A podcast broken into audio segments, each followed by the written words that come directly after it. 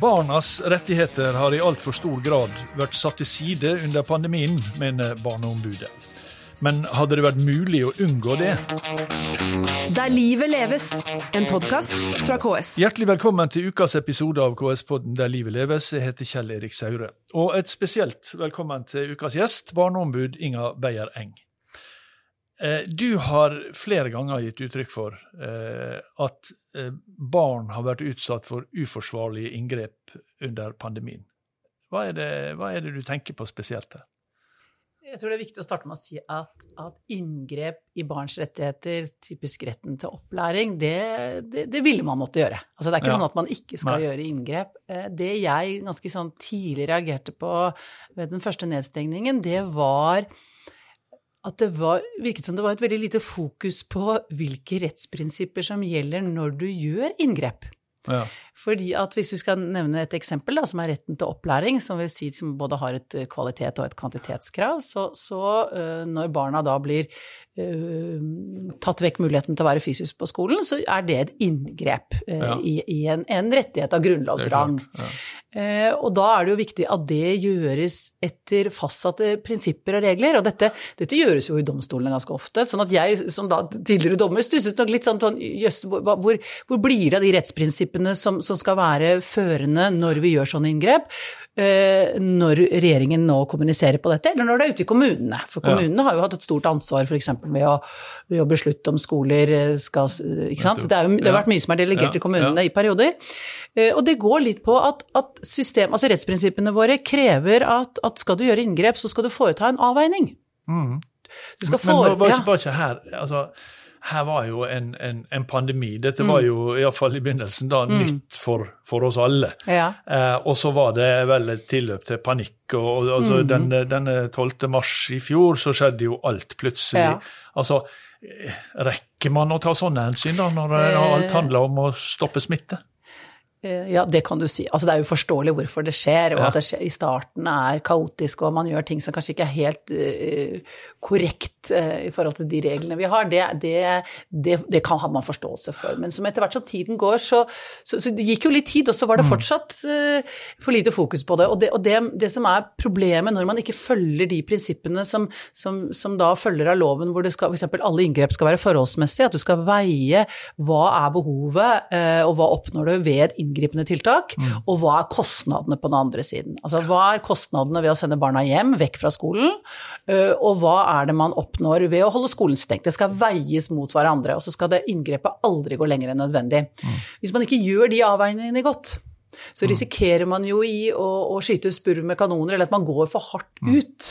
Men jeg tenker ja. liksom, eh, Hvis jeg skal prøve å sette meg inn i de som skal Eh, eh, treffe disse beslutningene. da, mm. at, at, det om det var forholdsmessig, det om det var nødvendig og sånt, mm. det får du egentlig ikke svaret på før etterpå, og kanskje ikke da engang. Nei, og det er jo ikke sikkert at den avveiningen eh, det, det, er rett eller galt, men du må på en måte vise når du gjør et inngrep, ja, at, du har, at, at, du har avveid. Og det var som jeg sa, jeg snakket med en kollega som driver innenfor noe av det samme feltet som meg, sier at det er, ikke, det er jo ikke mye du trenger å vise. Du kan skrive ned på en konvolutt, men du må mm. vise vise at du har veid. At du har, ja. ja du har og, og, det er klart at Jo mer alvorlig inngrepene blir, så er det også et krav til at det skal være skriftlighet. Sånn det, og det er viktig for at det skal være etterprøvbart. Og det ser jeg jo i noen kommuner nå hvor eh, det var f.eks. besluttet å gå fra gult til rødt nivå. Rødt nivå mm. var, ble et inngrep, fordi da er det redusert tilbud på undervisning, så ser du plutselig at noen eh, da eh, høyere oppe i kommunen overprøver det og sier at nei, dette, her, her, er ikke avveiningen eller begrunnelsen god nok.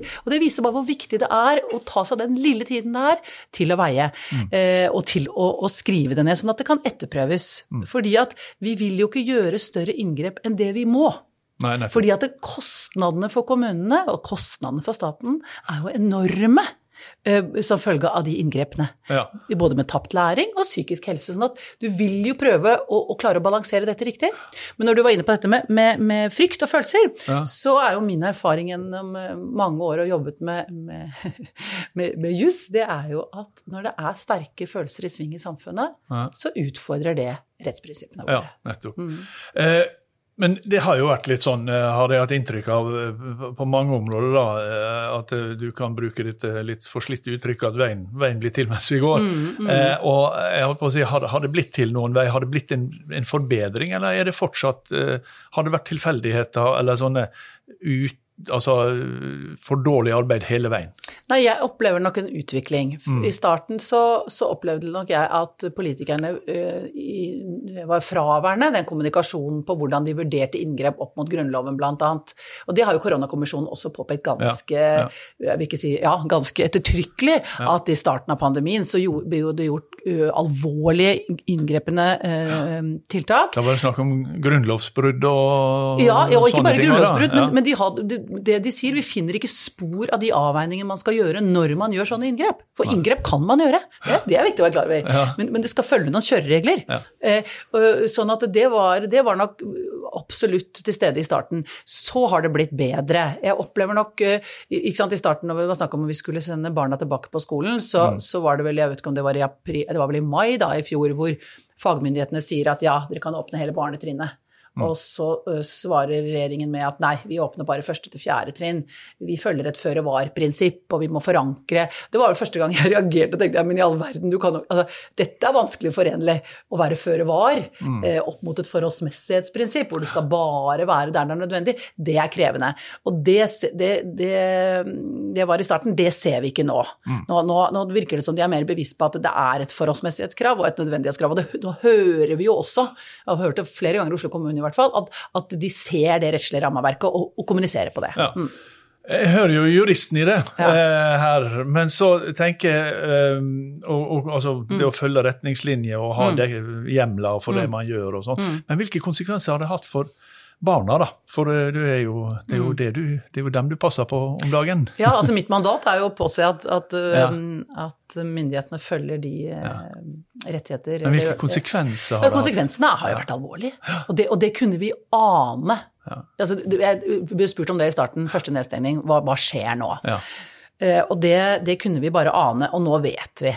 Nå, nå har vi, og det som er som, Kanskje det, er det, liksom, det, det tyngste ved det, er jo at det har forsterket de forskjellene vi allerede hadde. Så det er både det er en stor dansk undersøkelse og en for så vidt også støttet av norske undersøkelser som viser at de, sosial, altså de, de, de, som strevde og hadde det vanskelig før pandemien, de har fått det verre. Mm. Og det er sånn, Vi skal bruke et eksempel. Altså, du kan tenke deg, i hvert fall i, sånn som i deler av Oslo, som, som jeg har bodd lenge i, så ser du ikke sant, du kan ha en familie eh, på to rom, fem søsken en PC, eh, en mor, ikke en far, snakker ikke norsk, mm. og skal ha full hjemmeundervisning. Ja. Men så har du en, en jente på tilsvarende alder i, som bor i et stort hus med mor og far hjemme, og står på pletten for å hjelpe til mm. på alt som er på hjemmeskole. Så du mm. skjønner jo at, at de skjevhetene som var der før, de, de forsterkes jo nå. Og det, ja. det, tror jeg det er viktig å være klar over. Um, er det mange sånne eh, eh, Det har jo vært sånne eksempler på også at eh, at, at, folk som har hatt det kanskje vanskelig på skolen, har på en måte hatt en litt bedre tid. De har på en mm. måte fått litt sånn personlig kontakt med læreren som de kanskje ikke oppnådde mm. i, i, i, konkurranse med alle i klassen. Er det, er ja. det sånne eksempler? Også? Ja, altså vi hører jo også det om elever som tenker at jøss, jeg syns jeg klarer å lære bra alene. Ja, ja, ja, vet ikke hvor bra det og tenk hva det sier om, om den skolen vedkommende går på. Men, men, men, men, ja, klart det har for, for all del. Det har vært det. Men, jeg har ofte blitt møtt med det under dette året her. Jeg men det er jo mange som det har gått bra med, og sånn, mm. og det er sånn og sånn. Så tenker jeg ja. Men det er ikke det den du skal være der for? Nei, men vi vil jo ikke ha et samfunn nei. hvor vi sier at det går bra med majoriteten, så derfor så nettopp. kjører vi på. Ja. Vi har jo et samfunn som ønsker å, å dra med oss alle, mm. og, og, og, og det en ting er jo uh, livskvaliteten til det enkelte barn, og hvordan barnet har det der og da, men det er jo noe oss som samfunn, hva det koster oss for hvert eneste barn som faller av videregående opplæring, koster enorme summer. Så, og, og, eh, det må jeg jo si som min reise fra Jeg har jo vært mange mange år i justissektoren og kommer nå til denne vi kaller barnesektoren, ja. og ser hvordan vi bruker penger i Norge. Altså, vi bruker jo pengene på å reparere og rydde ja. istedenfor å sette inn pengene tidlig i forebygging og god hjelp til barn tidlig, sånn at vi slipper å bruke penger på dem i justissektoren senere. Så, og det er, jo, ja. det er, jo, et sånt fenomen som er ganske øh, altså Det gjelder ikke bare på ditt felt. altså jeg tenker på, Vi, vi har snakka masse om det med type sånn eh, rassikring, ja. forebygging av mm. naturkatastrofer mm. framfor å reparere. Ja. Vi bruker, jeg tror det var sånn tigangen på å reparere mm. eh, på det vi bruker på å forebygge. og Det er vel noe av det samme her. Ja. Vi har spøkt noen ganger med jeg husker ikke hvem vi var med, men at vi skulle hatt valget hvert tiende år. fordi ja. dette er jo en sånn litt sånn uheldig dynamikk mm. ikke sant, med politikerne som skal velges hvert, hvert fall til Stortinget. Noe å vise til, ja. Hvert fjerde år skal vise noe. Og, og, klart at du vil ikke innenfor den fireårsperioden kunne vise til at se, jeg har, for, jeg har satt i gang do, gode forebyggende tiltak i barnehage eller i skole eller gjort noe sånt. Du, du kan jo ikke vise til de resultatene ved neste valg. sånn at, ja, og, og media har jo en rolle i det òg. Jeg vet at du har vært opptatt av sånn sånn sektorer. altså at man, man, eh, man, eh, man opererer altfor alt mye innenfor egne mm. sektorer. Mm. Og, og, da tenkte jeg på da KS presenterte dette et sånt utenfor-regnskap. Mm. Altså nettopp hva uh, i tall, altså hva koster det for en som faller fra uh, tidlig, eller mm. som står i fare for å falle ut. Og da er det jo et poeng at det er på en måte eh, innsparinga kommer et annet sted. Mm, altså mm. Kommunene må bruke penger på, og, på forebyggende arbeid mm, mm. for, spare, for, at staten skal spare innenfor eh, kriminalomsorg mm, og mm. eh, alt sånt. Og det er måte, det er jo et poeng, altså. Er ikke det?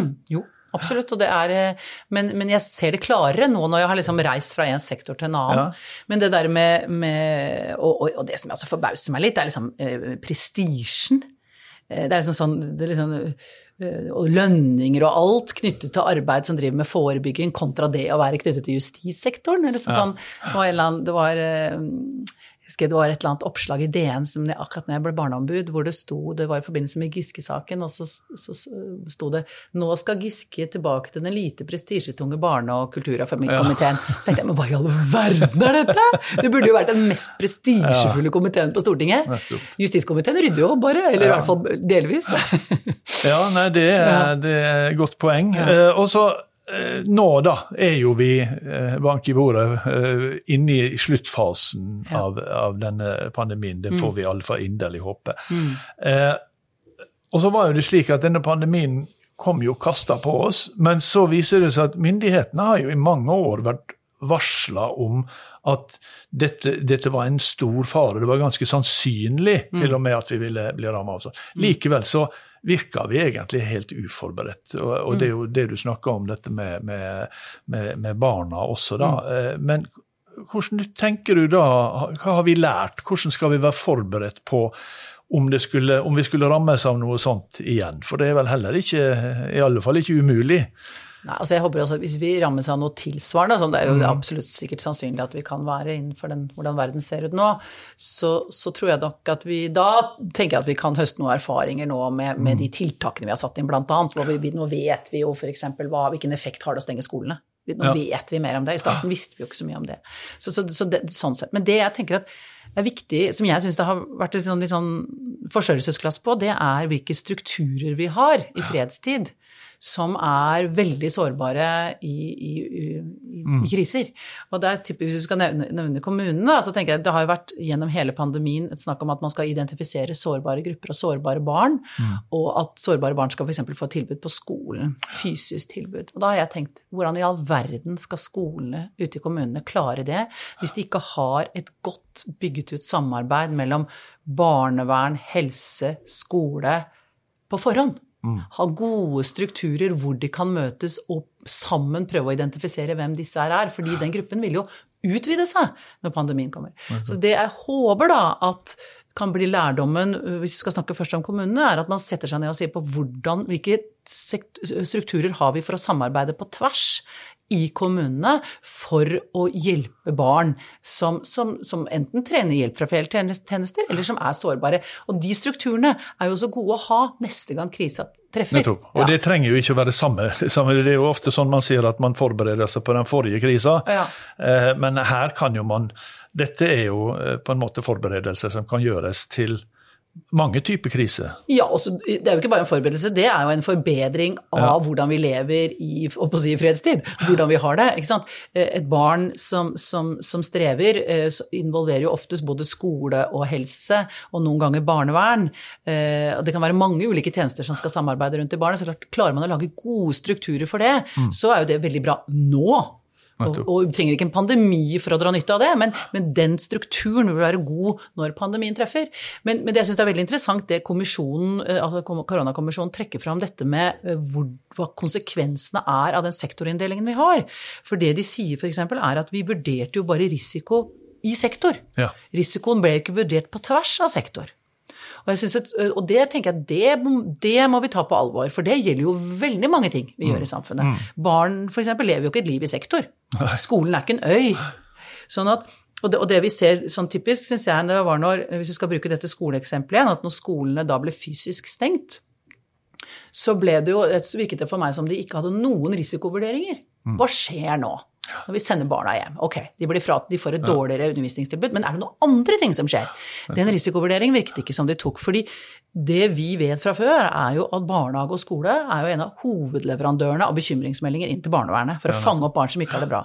Hva skjer når vi sender barn hjem til hjem som kanskje har, klarer seg dårligere nå pga. stress, uten at barn har den sikkerhetsventilen av andre voksne som kan fange dem opp. Mm. Og det vi da gjorde, er at de som kanskje kunne fanget dem opp, hjemme, de mamma er redde for. Les helsesykepleierne. Hva gjorde man med dem? Og sendte dem i helt motsatt retning av barna. Og det syns jeg var et veldig godt eksempel på Det kan ikke ha vært noen risikovurderinger der. Mm. Ja. Eh, barneombud Inga Beiereng, eh, nå har vi snakka mye om covid, og du har mm. nevnt barnevernet flere ganger. Ja. Og barnevern er jo eh, selvfølgelig eh, noe som du er spesielt mm. opptatt av, og som mm. kommunene har et veldig stort ansvar for. Mm. Eh, og vi leser og hører mye om barnevern eh, fra den ene og andre holdet. Men hvordan mm. står det egentlig til eh, i barnevernet ute i kommunene? Sånn sett fra ditt ståsted, da? Varierende, vil jeg ja. si. og jeg, jeg si at det, det, gode som har kommet ut av disse dommene fra EMD, som jeg ser mm. at det er en del som misforstår hva de faktisk ja, sier, ja. men vi skal komme tilbake til det, men, men, det gode er at det har blitt satt på dagsorden. Ja. Fordi at det, det, har vært for lite fokus på hva ligger det i å ha et barnevern, og hva krever det av oss. At I sånn utgangspunktet så er det jo staten, Norge, altså, som har ansvar for å beskytte barna. Det følger av Grunnloven og av Barnekonvensjonen. Og så har man i Norge valgt å delegere mye av det ansvaret ut til kommunene i kraft av barnevernloven. Så det er kommunene som sitter på et, et, et stort, tyngende ansvar ja. for å utøve godt barnevern i kommunene. Og det, det er utfordrende, um, ser vi jo i dag. Det går både på, på kompetanse, som man nå, har, altså Per i dag har vi jo ikke noe krav til utdanningsnivå for de som skal jobbe der. Det er jo nå regjeringen fremmet forslag om en, en, i hvert fall om en master, så det, det skjer mm. ting der. Men det som jeg har vært opptatt av, er at uansett ute i kommunene, så tror jeg det er på tide at man tar inn over seg hvilket ansvar det ligger på toppledelsen i kommunen at de har ansvar for et barnevern. Ja, at det, det, ja. Barnevern er ikke noe som barnevernet steller med? Nei. Fordi jeg, Av og til når du møter ledelser ute i kommuner og spør liksom, vet du hvor mange barn du har under offentlig omsorg. Hvor mange barn er i fosterhjem i din kommune? Hva slags hjelpetiltak har du i kommunen til de barna som, som, strever i hjemmene sine, eller hvor foreldrene strever med omsorgen? Vet du det? Har du oversikt over det? Og det tror jeg er et ymse. Sånn det som jeg tenker er fordelen med ny barnevernloven nå, som nå ble vel vedtatt as we speak Ja, det, det som skal gjelde fra, fra årsskiftet. Ja, den mm. pålegger jo ledelsen, altså ja, kommuneledelsen mm. å få eh, en rapportering om status i barnevernet på en helt annen måte enn det det har vært til nå. Og det tror jeg er viktig, Eh, fordi at eh, det nytter ikke for ledelsen i kommunen å sitte og si at det er barnevernet vårt, uff, de gjør feil, de gjør sånn. Det er jo deres ansvar. Mm. Det handler jo om å um, ha nok folk. Altså, hvordan er barnevernet dimensjonert til å drive forebyggende arbeid i kommunen din? Er det nok ansatte? Hvordan jobber de? Det er jo kommunens ansvar. Mm. Um, og jeg og, og, jeg tenker liksom, Det er jo en av de tyngste oppgavene en kommune har. Fordi det er så komplekst og så vanskelig. Ja. Og da er vi liksom litt inne igjen på dette med kommunestørrelse. Jeg, det som er, som er krevende i Norge, er jo at det er samme ansvar for å drive en forsvarlig og god barnevernstjeneste i en kommune med 2000 innbyggere som det er i Oslo. Ja. ja. Oh. Og, og, og, barn har lik krav på beskyttelse. Som det, på, ja, ja. Som det jo er på mange, mange områder. Vi har, vi, har jo generalistkommuneprinsippet, så ja. i prinsippet så skal vel alle kommuner le, levere Ja, men dette eh, er på en måte, tenker jeg skiller seg litt ut, for dette går på sånn grunnleggende krav til beskyttelse mm. for, for, vold og overgrep og for omsorgssvikt, som er på en måte noe av det, liksom, det mest grunnleggende vi har innenfor menneskerettighetene. Så jeg tenker at det, det, det og, og, jeg har jo hatt et langt liv i, i påtalemyndigheten hvor jeg har jobbet med saker hvor barn har vært utsatt for overgrep i egen familie, og hvor jeg ser at hvor det vanskelig det er i kommuner som er små, med en liten barnevernstjeneste med tette forhold. Fordi at det blir noen utfordringer med eh, de båndene man har til hverandre, og til det vi, det vi kaller habilitet. Mm. Fordi du, alle kjenner alle. Mm. Og så tenker du at det jeg ser nå, det er jo ikke sikkert at det er det jeg tror det er. Jeg legger det bare, Det er noe med jo større det er, jo lettere tror jeg det er å kunne klare å ha et objektivt blikk. Da. Mm. mm. Ja, store og kompliserte problemstillinger vi mm. kom inn på her mm. på slutten, men bare helt til slutt. Du nevnte eh, Europeiske menneskerettighetsdomstolen, mm. disse dommene mot, mot, Norge der som du sa mange har misforstått. Veldig kort, hva er det egentlig? Eh, hvordan skal de forstås? Ja, De dreier seg for det første ikke om terskelen for å gripe inn i en familie. Er, mm. vi er ikke dømt for at vi har tatt et barn feilaktig, eller at terskelen vår for å gripe inn mm. er for, for, lav. Det er det ikke. Det vi er eh, kort fortalt litt unøyaktig dømt for, det er at vi har hatt for lite fokus på å prøve å få barnet gjenforent med egen biologisk familie. At, at, det, det f.eks. retten har gitt av samvær etter en omsorgsovertakelse har vært for dårlig, vært for lite, og vært for lite fokusert på at det samværet skal kunne føre til en tilbakeføring. Det er det, i hvert fall det vi aller i meste. Og så er det begrunnelsene ja. som har vært for dårlige. Mm. Mm. Ja, men da fikk vi den uh, avklaringa ja. helt på tampen. Barneombudet barneombud Inger Beyer Eng. Mm. Vers, uh, Tusen takk, heter det. ja, takk skal du ha. For at du kom på besøk hit. Det var det vi rakk i KS-podden Der livet leves eh, denne uka. Vi er tilbake med en ny episode neste uke. Der livet leves, en podkast fra KS.